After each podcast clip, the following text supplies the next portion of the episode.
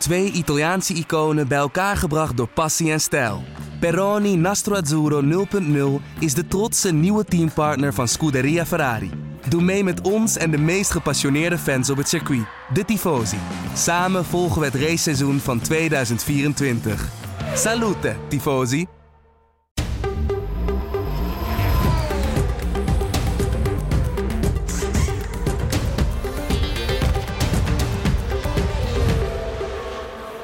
Heren, daar zitten we dan weer. Hebben jullie lekker geslapen na het horen van het nieuws dat er eindelijk weer gereisd gaat worden? Ja, ja, ja. Nou, afgelopen nacht, uh, ik heb gisteren de hele dag op een boot gezeten. Ik ben ook een beetje verbrand. Dus, uh, een beetje? Een beetje, ja. Ik heb een aardig uh, rood hoofd. Dus ik heb vannacht niet heel erg goed geslapen met een gloeiend hoofd. Maar ja, dat nieuws dat er eindelijk weer gereisd gaat worden. Ik, ik las het gisteren op die boot. En nou ja, ik, heb, ja, ik, ik was uh, laaiend enthousiast. Ja? Heerlijk, eindelijk. Waar was jij toen je het hoorde? Ik, kreeg, ik heb meldingen van de Formule 1 Twitter aanstaan op mijn telefoon. Dus ik, kreeg de, ik wist eigenlijk al dat het kwam hoor, dat wel. Maar ik kreeg de, de melding en toen dacht ik, ah, eindelijk, we gaan weer. Je ziet dat rijtje staan. Je ziet echt weer een kalender en dan denk je, nou, nog een kleine maand en dan uh, zitten we weer. Uh, we zitten voor de buis. We kunnen er niet heen in ieder geval als pers, dat, dat is wel vrijwel duidelijk. Maar uh, ja, heel blij. Ja, nou welkom bij de Boordradio. Het is vandaag 3 juni. Mijn naam is Samantha van Wijk en bij mij aan deze hele grote tafel zitten experts Joost Nederpelt en Patrick Moeken. Wil je nou meepraten, dan kan dat. Stuur een mailtje naar podcast.nu.nl of stuur een berichtje via Twitter @deboordradio. En wie weet behandelen we jouw vraag wel. Ja, hier, de terrassen zijn weer open. Er gaat weer gereisd worden. Het begint er steeds meer op te lijken dat we toch een beetje naar een wat normalere wereld gaan. Hè? Ja, eindelijk. Ja, het wordt ook wel een beetje tijd. Hè. Het is de, dit gaan we niet eindeloos volhouden. En uh, ja, voor ons is, uh, is het natuurlijk heel mooi dat, uh, dat dat bevestigd is, die, die, die races. Acht Grand Prix in tien, tien weken tijd nou ja, dat is toch wel. We hebben er even op moeten wachten, maar het ja. was wel echt smullen deze zomer. Ja, ik zal het uh, kalendertje eventjes voorlezen. De eerste acht races op de Formule 1 kalender zijn bevestigd. We beginnen dan op 5 juli met Oostenrijk, dan 12 juli nog een keer Oostenrijk. Dan nog een derde, de Grand Prix van Hongarije. We hebben er gewoon drie achter elkaar. Ja. Dan hebben we twee keer Groot-Brittannië, 2 en 9 augustus. Dan hebben we Spanje op 16 augustus, 30 augustus België en dan 6 september Italië. Mooi lijstje? Zeker, een Tour door Europa eigenlijk. En uh, dat is ook gewoon uh, het makkelijkste om te doen natuurlijk. Je kan wel, je, ze kunnen gewoon niet nu overzees al gaan of uh, naar Abu Dhabi of, of dat soort plaatsen. het ligt allemaal dicht bij de fabrieken. ik denk dat er wel nog een heel systeem aan te pas gaat komen om iedereen in quarantaine te krijgen. Dat je dus één week van tevoren bijvoorbeeld moeten ze volgens mij verzamelen in, in Groot-Brittannië al heel veel van die teams. En ook misschien een klein groepje media wat erbij betrokken is. En dan gaan ze gewoon het hele ritje gaan zo door. En daarom is het natuurlijk ook handiger dat ze twee weken op dezelfde locatie blijven. Want dan heb je alweer veel minder uh, reisgebeuren. Uh, Veel minder mensen die weer op en af het circuit komen. Uh, alleen, ja, het publiek zal er niet bij zijn. Dat is voor sommige mensen toch wel een beetje wrang. Zeker de mensen die elk jaar naar Oostenrijk gaan in grote getalen. Ja, dat is ja, toch heel helemaal oranje. Maar ik, ja, ik ga er toch ook wel vanuit dat die zich daar inmiddels bij neergelegd hebben. Ja, het is een Europees rijtje. Is dat misschien de oplossing voor 2020? Ja, zeker. Nee, dat is de enige oplossing ook voor nu. Uh, hopelijk blijft die, uh, die tweede golf, waar we helemaal mee doodgegooid worden, blijft die weg. En kunnen we daarna door naar, naar Azië. En dan hebben we toch nog best wel een volwaardig Formule 1 seizoen, waar het toch een paar maanden geleden totaal niet naar, naar uitzag. Ja, de promotor van de Grand Prix van Mexico heeft gisteren naar buiten gebracht dat hun Grand Prix ook gewoon doorgaat op de normale datum, dat is 1 november. Ja, ja, dat, ik ben benieuwd hoe, in hoeverre dat uh, bevestigd gaat worden door de Formule 1. Ik denk dat er echt nog wel een, een, een, nog een hoop geschoven gaat, gaat worden. Want ja, je zit natuurlijk met een. Normaal is Formule 1 logistiek al ontzettend complex. Om alles en iedereen overal te krijgen. En nu heb je nog een heel regelpakket en quarantaine hier en quarantaine daar uh, en uh, vliegen wat misschien wat lastiger is.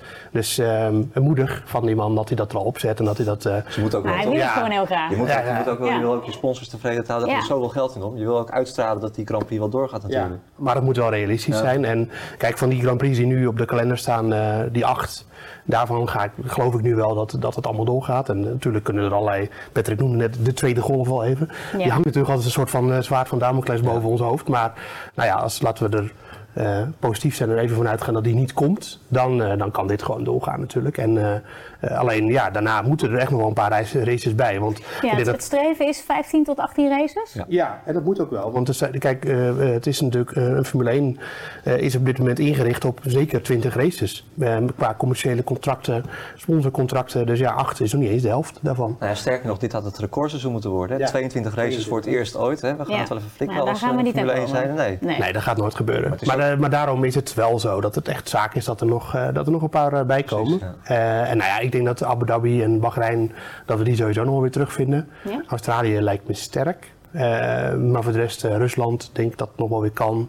Uh, China zullen we ook wel ja. het snelste even kan. Baku had ik er eigenlijk al op verwacht. Maar die, dat is natuurlijk wel weer een vlieg Grand Prix. En dit kan je allemaal gewoon met vrachtwagens en met de auto doen als je dat wil. Uh, en Japan misschien nog, uh, inderdaad. Nou ja, dus er komt, er komt echt wel... Maar om het te laten tellen als een wereldkampioenschap, um, hebben we hadden het net over Europese races, is dat misschien de oplossing? Dan is het geen wereldkampioenschap meer. Hoe zit dat dan? Stellen, volgens de, we moeten toch sowieso echt wel buiten Europa. In de reglementen stond al dat acht races verdeeld over drie continenten. Dan, dan heb je een echt eh, volwaardig Formule 1 kampioenschap. Nou, die acht races hebben we nu, alleen niet over de drie continenten. Ja. Maar ze gaan dit, dit wordt gewoon een wereldkampioenschap. Ja, maar het, blijft echt niet bij die acht hoor. Nee. Tenminste, het hangt allemaal vanaf wat er met het virus gaat gebeuren. Dat is uh, natuurlijk zo. Maar uh, als we zo doorgaan zoals het nu gaat, dan blijft het natuurlijk niet bij die acht. Uh, ik vraag me dan wel, nou ja, dan moet er echt nog wel een Grand Prix in Zuid-Amerika of Noord-Amerika komen. Want ja, Abu Dhabi, Bahrein en Japan is allemaal Azië. Dus dat is natuurlijk qua continenten als je dat heel letterlijk gaat nemen. Ja. Maar ik vraag me ook wel een klein beetje af of dat nu een grootste punt van zorg is. Of het wel een echt wereldkampioenschap is. Ze moeten gewoon racen, dat is het allerbelangrijkste. daar gaat het nu alleen maar om, rijden met die app. Ja, ze maakt zich eerst natuurlijk zorgen over de continuering. Dus eerst zou Oostenrijk sowieso wel gaan lukken. Maar ja, en, en, daarna, dan mag het niet stilvallen. Je moet wel echt in één keer door blijven gaan. Ja, ja, dat is, uh, dat is nu echt het allerbelangrijkste. En daarom, uh, het, ze hebben natuurlijk achter de schermen ontzettend hard gewerkt de laatste maanden om dit voor elkaar te boksen. En je ziet uh, dat er dan ook weer obstakel, allerlei obstakels op de weg komen. de quarantainebeleid in Groot-Brittannië is een belangrijk ding, maar daar is ook wel weer uitzondering voor gevonden. Oostenrijk was volgens mij al vrij snel wel duidelijk dat dat ging. vorig weekend werd dan, afgelopen weekend werd dan door het ministerie van Volksgezondheid daar dan eindelijk ook gezegd dat het, dat het kon. Maar ik had nooit het idee dat dat een Grand Prix was die in de problemen nog kon komen. Ja. Of twee eigenlijk, hè, zijn het ja. natuurlijk. Nou, ze hadden het heel even nog over Hockenheim. Als Groot-Brittannië niet doorgaat, dan zetten we Hockenheim in. Misschien is dat een optie. Is dat misschien alsnog een optie? Ja, maar je moet op een gegeven moment ook gaan kijken, uh, is er nog een plek? Uh, want uh, natuurlijk is het een mooie uitwijkmogelijkheid, Hockenheim. Je kan er zo naartoe, ligt aan de snelweg, het is allemaal niet ingewikkeld. Ehm, alleen, ja, de kalender is nu best wel volgepropt in, in redelijk kort tijdbestek ook wel met natuurlijk het idee dat we moeten nog gaan vliegen. we moeten nog ver weg. Ja. En uh, ja, dus wat dat betreft denk ik dat Hockenheim misschien nog wel wilde. Uh, of zich aanbood inderdaad als alternatief voor, voor Groot-Brittannië. Maar ja, er is misschien wel gewoon geen plek voor. Ja. De Grand Prix van Zandvoort, daar is definitief een streep door voor 2020? Ja, ja, helaas. Maar ook wel begrijpelijk. ze hebben daar al vanaf het begin af aan gezegd, zeker Jan Lammers ook, uh, een Grand Prix zonder fans uh, ja, gaat hem voor ons eigenlijk niet worden. Ze wilden er nog wel over nadenken in het belang van de sport als de Formule 1 het niet voor elkaar zou krijgen om die kalender te vullen. Ja. Maar dat is er dus nu gelukt. En hij Zandvoort ook zoiets van, ja, dan komen wij volgend jaar al aan de beurt. Ja, als je dan na Met... 35 jaar eindelijk weer een keer terug mag komen, toch? Dan, ja, dan niet op deze manier. Dan nee, niet op deze manier. En, en, hopelijk lukt dat volgend jaar, want uh, het is nog wel ver weg. Maar ook dat blijft nog wel toch een tikkeltje spannend. Ja. ja.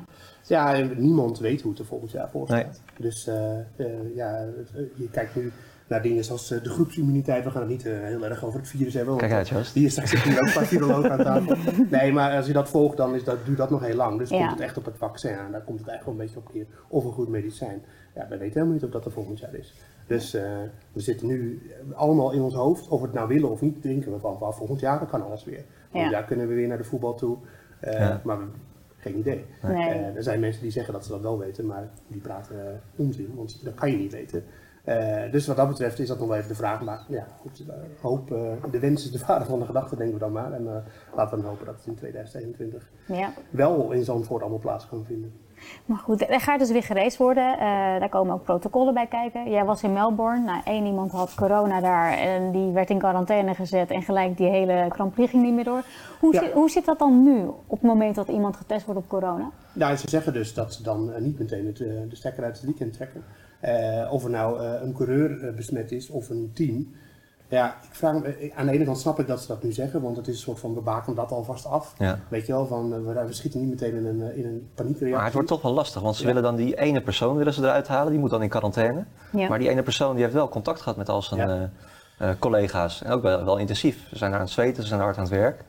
Dus eh, ja, ik vraag me toch wel af hoe ze dat gaan eh, doen en of ze dat kunnen gaan volhouden. Ja, Ja. want stel je nou voor, eh, want er komen natuurlijk ook op, op het circuit onder de monteurs, onder eh nou, kleine eh, media aanwezigheid die er waarschijnlijk wel zal zijn, heel klein. Eh, Ja. Daar reken ik mezelf zeker niet bij. Ehm, eh, Nee, eh, toch iets te klein? Ja, nou, in ieder geval, maar er, er komen natuurlijk toch komen er allerlei maatregelen om, eh, om eh, verspreiding, eh, als dat er al is, om dat eh, tegen te gaan. Ja. En als dan blijkt dat één iemand het heeft en er zijn er nog een paar met klachten, ja, wat zegt dat dan ook verder over al die maatregelen op het circuit? Nou, ja. Het, het, het Ja. belangrijkste waar ze naar streven natuurlijk is dat er helemaal geen besmetting is door uitgebreid te gaan testen. Eh, ze zullen ontzettend veel zorg, voorzorgsmaatregelen nemen, eh, mondkapjes, eh, afstand houden. Ja. Eh, Ja. Zoals ze dat ook in NASCAR doen, waar je haast denkt van ja, het is wel allemaal erg overdreven eh, allemaal. Maar ja, ze zullen ook... ze kunnen niet anders. Nee, ze kunnen niet anders natuurlijk. Ja, maar die monteurs, als je die normaal ziet, ziet staan in een pitbox, nou, die, die, die hangen echt over Nee, maar die, elkaar die heen. ook, en die dat kunnen is, ook geen afstand nemen. nee, dat, dat, dus dat wordt gewoon is een heel lastig onmogelijk. verhaal. Ja. Maar misschien dat ze de, de teams onderling wel van elkaar afhouden. Dat ze dat Ja. echt in een eigen clubje Dat Ferrari blijven. niet met Mercedes. Ja, precies, ja. Ja, maar ik moet het nog zien. Dat, eh, ik vond, ik, eh, vond het, ik, ik vraag me het echt nog af of ik dat wel verstandig vond eh, van Chase Carey om dat te zeggen. Ja. Want eh, ik moet het nog zien wat er gebeurt als er inderdaad Jij, een jij, coureur... jij, Stel- zegt, jij zegt eigenlijk alsnog terugfluiten op het moment dat iemand corona heeft. Nou ja, dat weet ik niet, maar ik vraag me gewoon af hoe mensen gaan reageren. Stel, eh, ik noem een coureur, Ricciardo heeft in een eh, coronavirus daar op het circuit. Ja. Hoe gaan mensen dan reageren? Ja, dat, dan, wat, wat straal je Ja, dan uit? Dat je dan toch de race door laat gaan? Dan zou je eigenlijk kunnen zeggen, oké, dan rijdt Renault niet mee. Ja. Ja, maar het gaat mij meer om wat het zegt over. Je hebt allerlei, eh, allerlei maatregelen genomen om dat virus buiten de deur te houden. Testen, quarantaine, eh, Ja. afstand, mondkapjes, et cetera, et cetera. En één coureur heeft het toch. Ja. Dan, Dan zit er iets niet goed in Dan zit er iets Dan niet gaat goed. er mis. Nee, en, en dan denk ik, dan gaat er waarschijnlijk best wel... Want je zegt het net zo, ik was in Melbourne en oké, het was niet dat mensen daar allemaal bang rondliepen, Nee. maar er was onrust. Ja. En ik, ja, het virus Maar blijft het virus. was, was ook toch helemaal nog niet dat je afstand hield en zo. Ja, er was, er was alleen de maatregelen waren er om afstand te houden van de, van de Coureurs, coureurs. ja. Maar die hielden ook weer geen afstand Maar van jullie elkaar. stonden wel met z'n allen zo te hengelen tegen elkaar. Ja, En- maar dat was ook letterlijk het enige. Want we zaten wel gewoon met z'n allen in taxis en eh, in het mediacentrum bij elkaar. Ja, precies. Goed, en, maar de- de- dat is bedoel ik dus. En als die maatregelen er allemaal straks wel zijn en er is toch een besmetting, ja, dat, dat- wat zegt dat dan? En dan denk ik, ja, waarom zou je dan nu al zeggen van nee, we gaan het dan sowieso door laten gaan? Ja. Dat zegt ook iets over de druk die er natuurlijk bij komt kijken, eh, financieel. Natuurlijk vooral, het gaat om de knikkers ook en dat begrijp ik ook allemaal wel. Maar eh, ja, ik was daar wel een beetje verbaasd over dat hij dat al zei. Ik denk dat je beter gewoon op zo'n moment zelf een inschatting kan maken. En dan komt de Formule 2 en 3. Die reizen dan ook nog een keer mee. Dus dan Ja. heb je nog meer mensen eh, op de pedal. Ja, dat zijn wel allemaal. eh, het zijn meer, Vind, meer vind, mensen. vind je het een goed idee? Tuurlijk, ja. Ja, moet, Dat kan, moet wel. Die, eh, kijk, het, de Formule 1 heeft het zwaar, maar de, die, die lagere raceklasses die hebben het nog veel zwaarder natuurlijk. Eh, nee, die, die, die, die moeten racen om onze sponsorcontracten te vervullen. Anders zou, die, zou je misschien wel die hele klasse kunnen, nou ja, misschien die hele klasse, maar zeker een aantal teams die dan eh, op omvallen staan, ja, dat, dat, die moesten echt gaan racen. ja. Ja. En een ideaal, ideale plek ook natuurlijk, het voorprogramma van de Formule 1. Wat dat betreft is dat Europese rondje zo Ja. eh, voor hun ook gewoon veel beter. ja. En laten we eerst weer eens klein beginnen. Hè? Eh, en dan eh, kijken we hoe het gaat in de wereld. En dan eh, kunnen we na, eh, wat is de laatste Monza toch? Ja. Eh, kunnen we na Monza weer eens verder. Nou ja, dan moet je natuurlijk al wel een kalender hebben. Maar we kunnen niet zeggen van, oh, zullen we over Ja. twee weken naar, naar Singapore gaan? Singapore gaat sowieso niet door trouwens. Maar eh, nee, nee ja, Singapore, eh, even om deze dwarsstraat heel even in te gaan. eh, begreep ik dat die doorgaan met publiek of niet. Ja. Eh, nou, met publiek lijkt me in zo'n miljoenenstad waar het coronavirus ook nog aanwezig is. Gewoon, dat gaat niet gebeuren. Dus eh, ja, ik, ehm, ik denk, ik denk dat, er, dat er een nog. Er is bij de Formule 1 teams heel veel opluchting. Er is bij de fans heel veel opluchting. Maar bij die kleine, kleinere. Want dat zijn even goed allemaal best wel grote organisaties hoor. Maar die kleinere teams die in de Formule 2 en de Formule 3 rijden. Daar, eh, ja, die kunnen niet een jaar stilstaan. Dan valt hun hele bestaan gewoon op een gegeven moment weg. Nou goed, we hebben in ieder geval weer acht Grand Prix. En in de loop der weken wordt volgens mij de rest van de kalender volledig bekendgemaakt. Het streven is eind juni. toch? Ja, precies. Ja. Maar in die, eh, Oké, dan gaan we naar de fitheid van de races. Want zijn die coureurs er wel klaar voor om over vier eh, weken al te beginnen met racen? Tuurlijk. Ja. Dat maakt me Ja, geen jij denkt dat het simrace voldoende is om... Nee, eh, nee, nee, maar ze zijn allemaal gerust in beweging geweest. En eh, ze hebben gewoon hun eigen patroon. En ik eh, zag Charles Leclerc deze week nog in een video zeggen dat hij eh, gewoon eh, alleen maar een dieet volgt. En één dag in de week dan mag zondigen. En die jongens die zitten, die zijn gewoon nog steeds topfit hoor. Ik heb Ja, dat is toch anders dan dat je echt in een auto zit, toch? Die racefitheid, die G-druk. eh, Nou ja, misschien duurt het wel iets kijken. langer voordat je de limiet gaat opzoeken. Maar ik denk dat eh, snel aan het einde van de, van de eerste training en zo, dat ze allemaal weer eh, hun ritme gevonden hebben. Ja, Formule blijven 1. toch topcoureurs. Hè? Dat, eh, Formule 1 coureurs zijn geen normale mensen hoor. Dat zijn, Ja, nee, die die- zijn die jongens die stappen in een auto en die staan meteen weer aan. Ja, die testing days waar we waren, dat is echt wel heel lang geleden. Ja, dat is het ook. Ja, ze hebben al heel lang niet Dat voor Maar het laatst dat ze echt in de Formule 1 auto zaten. Klopt. Ik, de, er zal, de ene coureur is misschien iets sneller eh, up to speed dan de andere. Maar ik denk dat er geen coureur is die er langer dan 20 rondjes over doet om weer, eh, om weer in de schoen te raken. Echt niet. Kijk, wat, het, wat meer het probleem is, dat je natuurlijk al heel lang ook niet hebt samengewerkt met je engineers en dat soort dingen. en dat, team, het, ja. dat het allemaal weer echt goed gaat draaien. En die auto, wat doet die auto? Ik denk, Ja. kijk, voor ons is het lang geleden dat wij die testdagen het zaten Ja, te bestuderen van hoe werken die auto's. Maar dat is voor die monteurs natuurlijk precies hetzelfde. Die hadden daar al een hele nieuwe auto waarmee ze moesten eh, werken. Dat, Ja. Eigenlijk beginnen die wel weer een beetje opnieuw. Die zullen er ook wel weer in moeten komen. Ja, die Ja. fabrieken zijn natuurlijk wel weer open, dus ze kunnen wel... Ja, maar ook pas sinds deze week. Ja. Dus ja, dat is ook Ja, maar minimaal. dat die, al die engineers en, eh, en eh, de technische top van zo'n team, die hebben niet eh, drie maanden uit het raam zitten kijken hoor. Die, daar is gerust wat gebeurd. Die zitten niet stil. Ja, wat moeten ze dan doen? Die, zijn, eh, die, die hebben alle procedures duizend keer doorgenomen. Eh, ik zat te denken, in één dacht ik van de week, oh ja, het DAS-systeem van Mercedes, het eh, verstelbare stuur, Ja. was natuurlijk eh, hot topic tijdens Ja, de test. En eh, nu gaat het er helemaal niet meer over. Maar dat systeem... daar, daar had het eigenlijk moeten gaan de, Ja. de hele tijd. Nu gaat het over randzaken. Ja. En, eh, ja. En maar in Barcelona zeiden een eh Mattia Benotto van Ferrari zei van, eh, werd gevraagd van hoe lang eh, duurt het ongeveer om dat te ontwikkelen? Nou, ongeveer een half jaar. Denk ik, nou, daar zijn we bijna. Dat zouden ze best Ja. al geregeld En, kunnen en eh, ik moet zeggen, Ferrari en ook andere teams, die zijn natuurlijk, de Ferrari heeft ook een, eh, een eh, beademingsmachine ontwikkeld eh, in de afgelopen tijd. Dus daar zijn ze ook druk mee bezig geweest. En dat heeft Mercedes en Red Bull eh, zijn er ook allemaal Ja. mee met dat soort projecten bezig geweest. Ja. Maar eh, ze zijn, ze zijn er natuurlijk, hebben ze, ze hebben niet stilgezeten. Maar Ja. Het- het- Nou ja, ik las trouwens dat eh Lennon Norris met, Formule, met de Formule 3 auto gaat racen in Oostenrijk. Ja, om weer een beetje in het ritme te gevoel, komen. Het gevoel te krijgen. Ja, Ja. Formule 1 auto's mag je natuurlijk niet testen. En een Formule 3 auto kan dat wel. Gewoon, Ja. eh, ja. Nou, heb je toch weer dat gevoel, hè? In een auto zitten op een ja baan. dat zei, eh, precies dat zei hij ook. ja. Dus eh, misschien weer heel, helpt dat iets. En Max Verstappen? Eh, die heb ik daar niet over gehoord. Maar Ja, als ik volgens mij is hij in een privéauto bezig op het circuit. Ja, Ja, dat uh, zou kunnen. Ja. begreep ik. Hm, Nou ja, het, natuurlijk kan het lekker zijn om even weer te rijden. Maar ik denk dat ze dat meer doen omdat ze er gewoon veel plezier in hebben dan Ook, ja. dat ze dat nou echt nodig hebben. Ik kan me dat gewoon. Want ze hebben bijvoorbeeld eh, een winterstop. ehm tussen eh, wanneer eindigt het seizoen tegenwoordig november. En eh, voordat we weer gaan rijden eh, eind februari, er zitten ook een paar maanden tussen. Ja. Ja, dan hoor je ze ook nooit van, nou, eh, ik weet niet meer hoe het moet of zo. Nee. Ja, Dus- maar ja, iedereen zit natuurlijk in hetzelfde schuitje. Ja. Dus wat dat betreft eh, is het niet zo dat de een eh, meer eh, Nee. heeft gereden dan de ander. Nou ja, het is alleen voor, eh, voor jongens zoals eh, eh, een Latifi, weet je wel, die begint nog steeds op nul. Dat is zo. eh, die had nu normaal gesproken natuurlijk al de nodige ervaring opgedaan. Ja. Maar ja, Maar ook met het doorontwikkelen van de auto straks. Want normaal is Red Bull bijvoorbeeld altijd een team dat heel erg doorontwikkelt. Ja. Eh, in Oostenrijk zijn ze meestal altijd goed. Eh, zijn ze dat nu ook? Hoe, hoe, gaat die doorontwikkeling zich nu verhouden? Eh, Ze, ze hebben toch minder kunnen doen.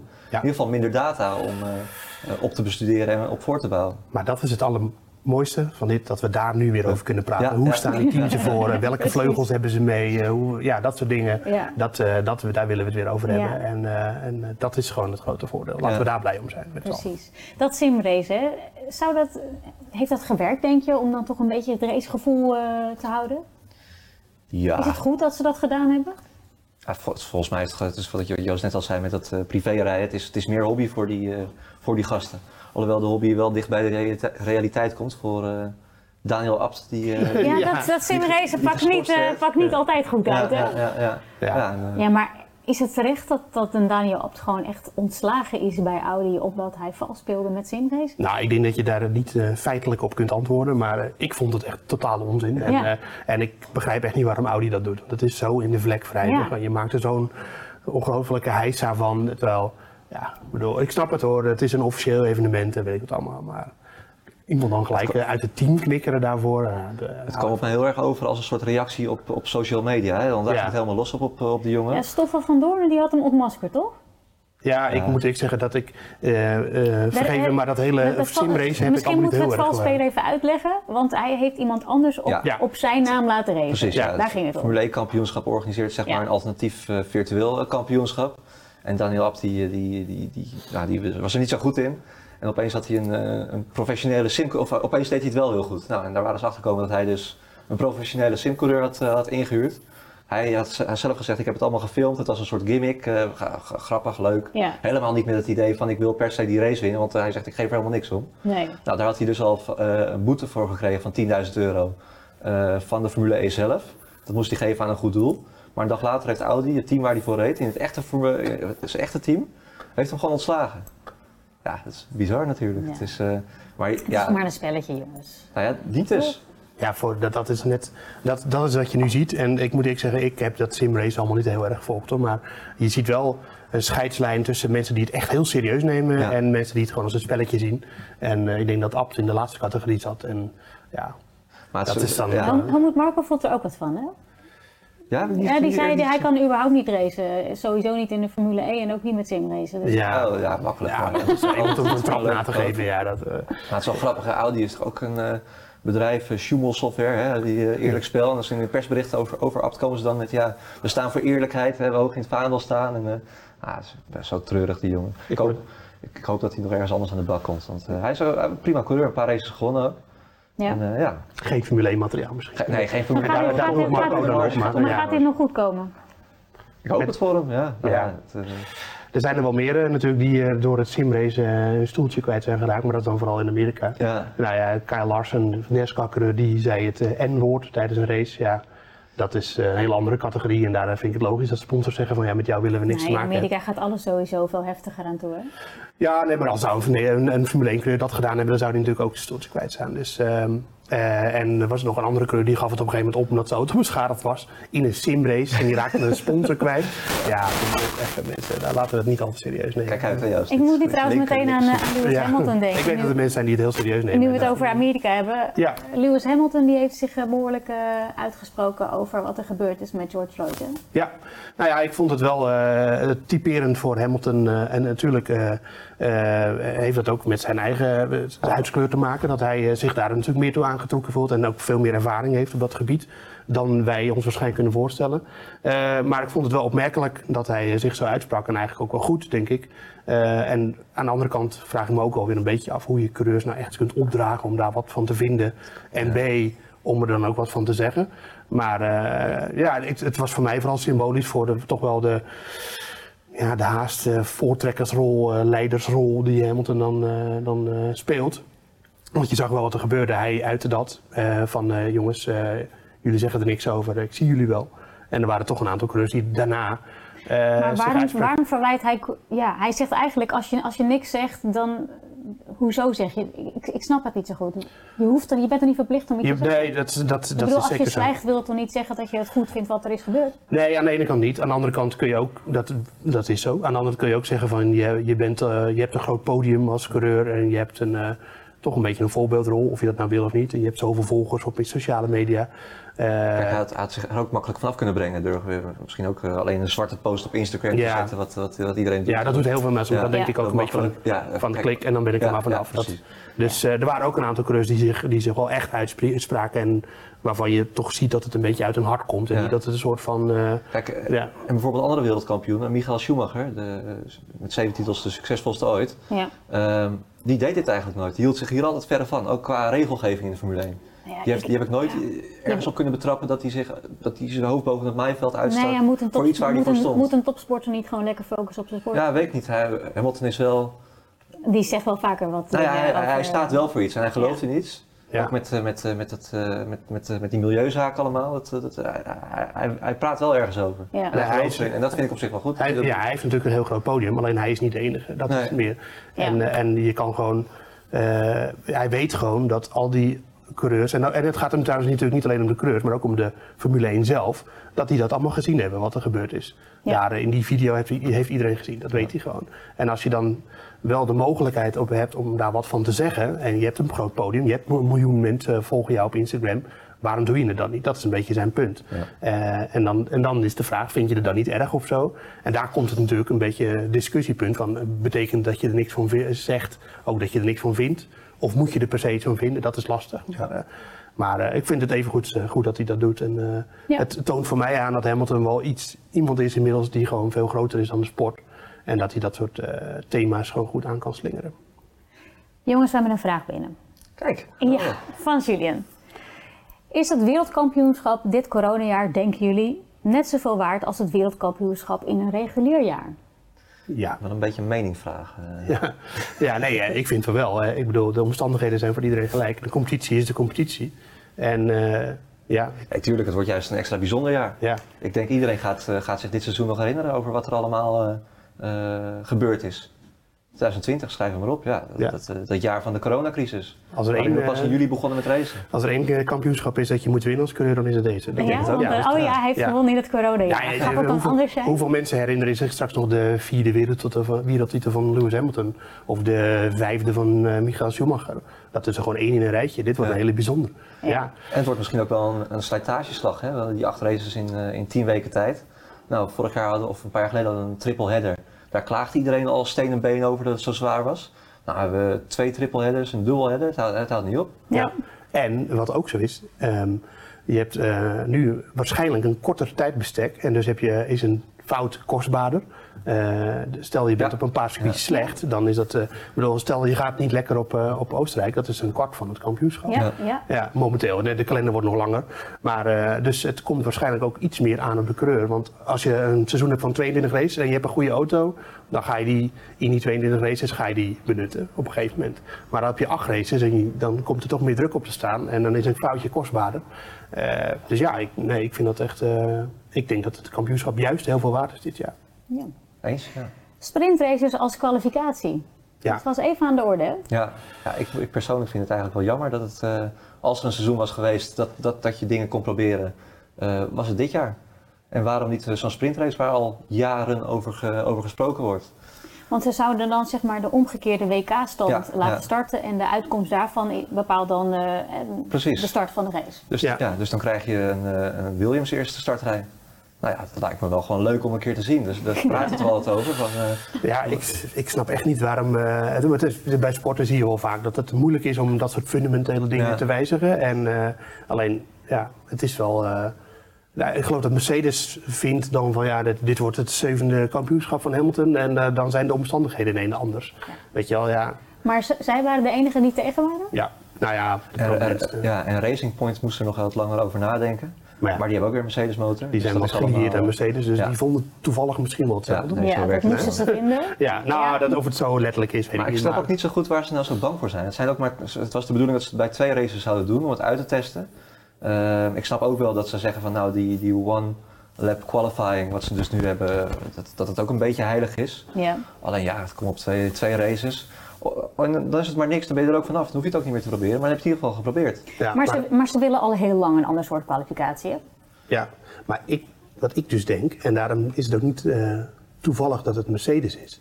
Eh, want je, als je een snelle auto hebt, dan benut je dat voordeel vooral ook in de kwalificatie. Ja. En niets is belangrijker dan vooraan starten.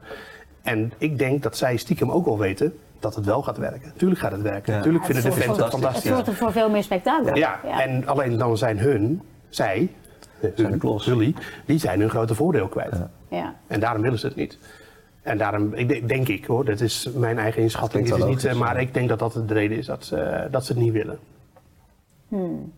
Misschien zou het ook wel in het nadeel van Max zijn, toch? Dan begin je met Red Bull Ring twee keer. En, Nee, joh, als, als er iemand kan inhalen, dan is het, eh, Ja. Max wel. Dat, Laat de inhaalkoning koning eh, los in J- een... j- eh, jij zegt van Max Verstappen maakt het eigenlijk helemaal niks uit of het nou een sprintrace wordt of een normale kwalificatie. Ik denk haast nog wel een voordeel. Dat, Ja. eh, dat Ja? hij, ja, als iemand makkelijk kan inhalen, hij heeft het al heel vaak moeten doen Ja. vanwege die gridstraffen. Ja, ja. Vaker dan ieder andere coureur bij een, bij een topteam. Heel veel inhalen zonder jij banden aan gort te rijden. Ja. Ja, laat, ze de, nou, wat zeg je, laat de bandenkoning en de inhaalkoning maar los in zo'n eh, zo'n omgekeerde gridrace. Ik, Ja. eh, ja.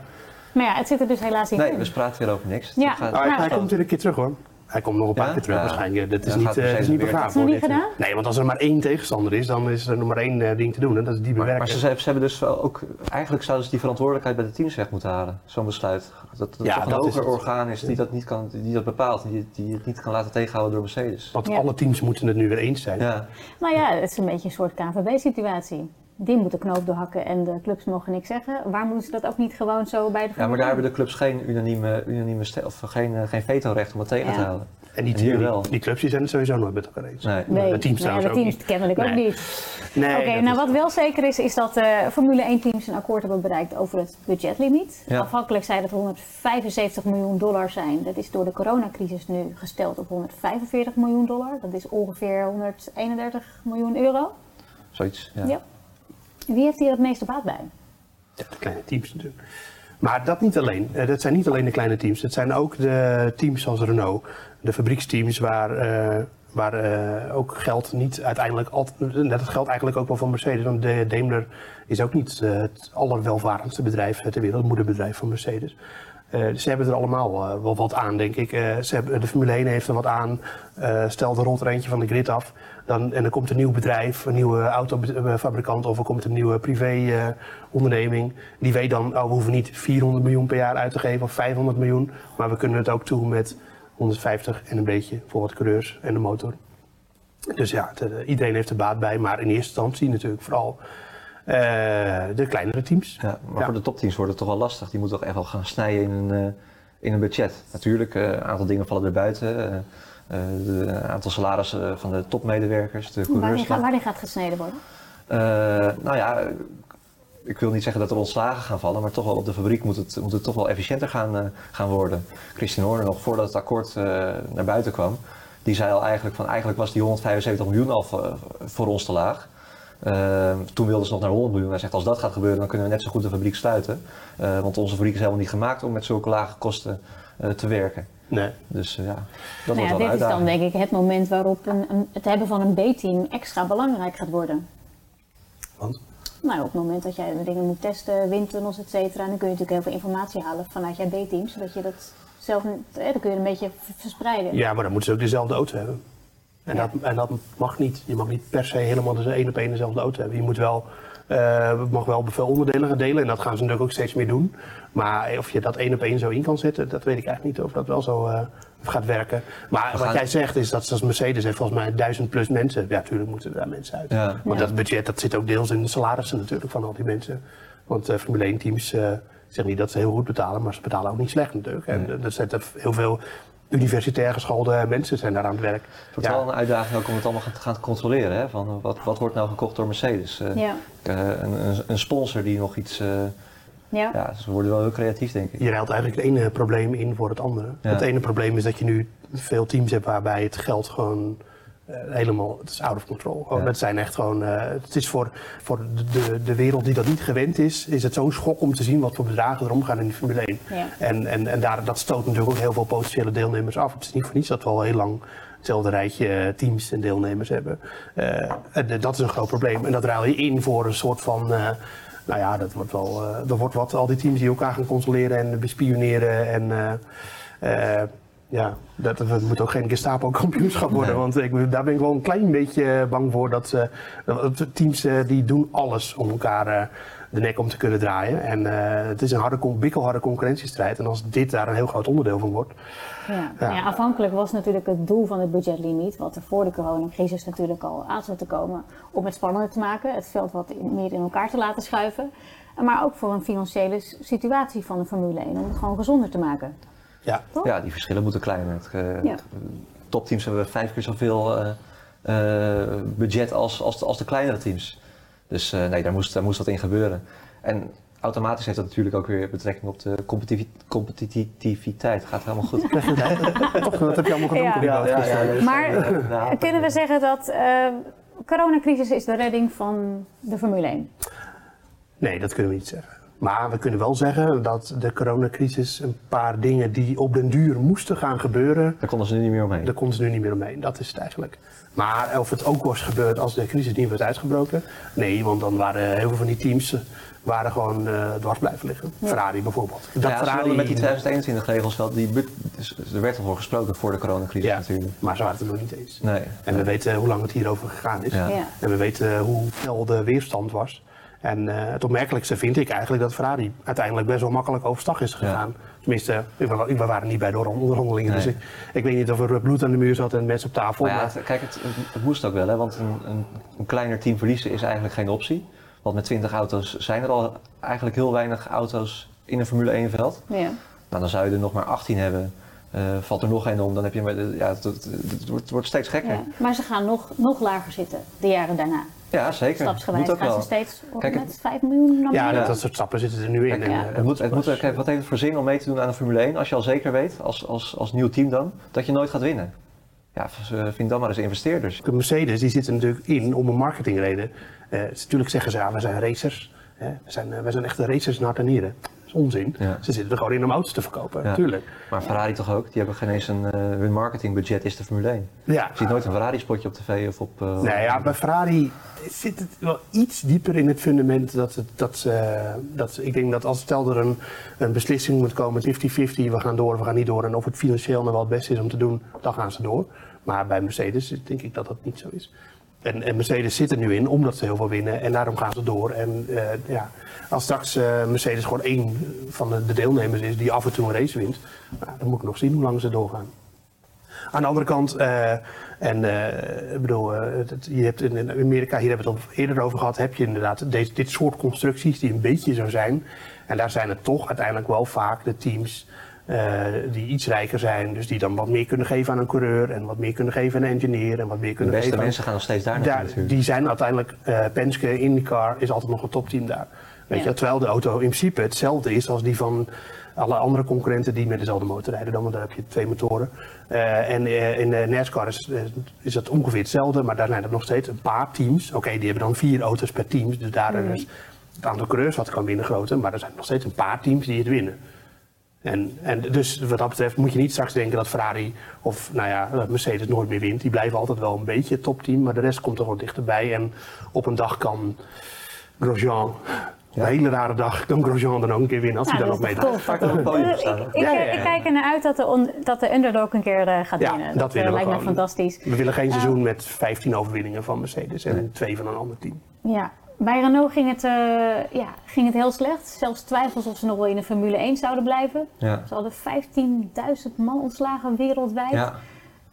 Moeten zij wel in de Formule 1 blijven? Nou ja, ik denk dat dit wel de redding was. Dus die eh, budget cap. Ja. Ik denk dat ze anders waren gestopt. Want het is niet meer te vertegenwoordigen. Want eh, A, ze winnen nooit. Nee. Sterker nog, ze staan nooit op het podium. Eh, Dus ja, waarom zou je dan doorgaan?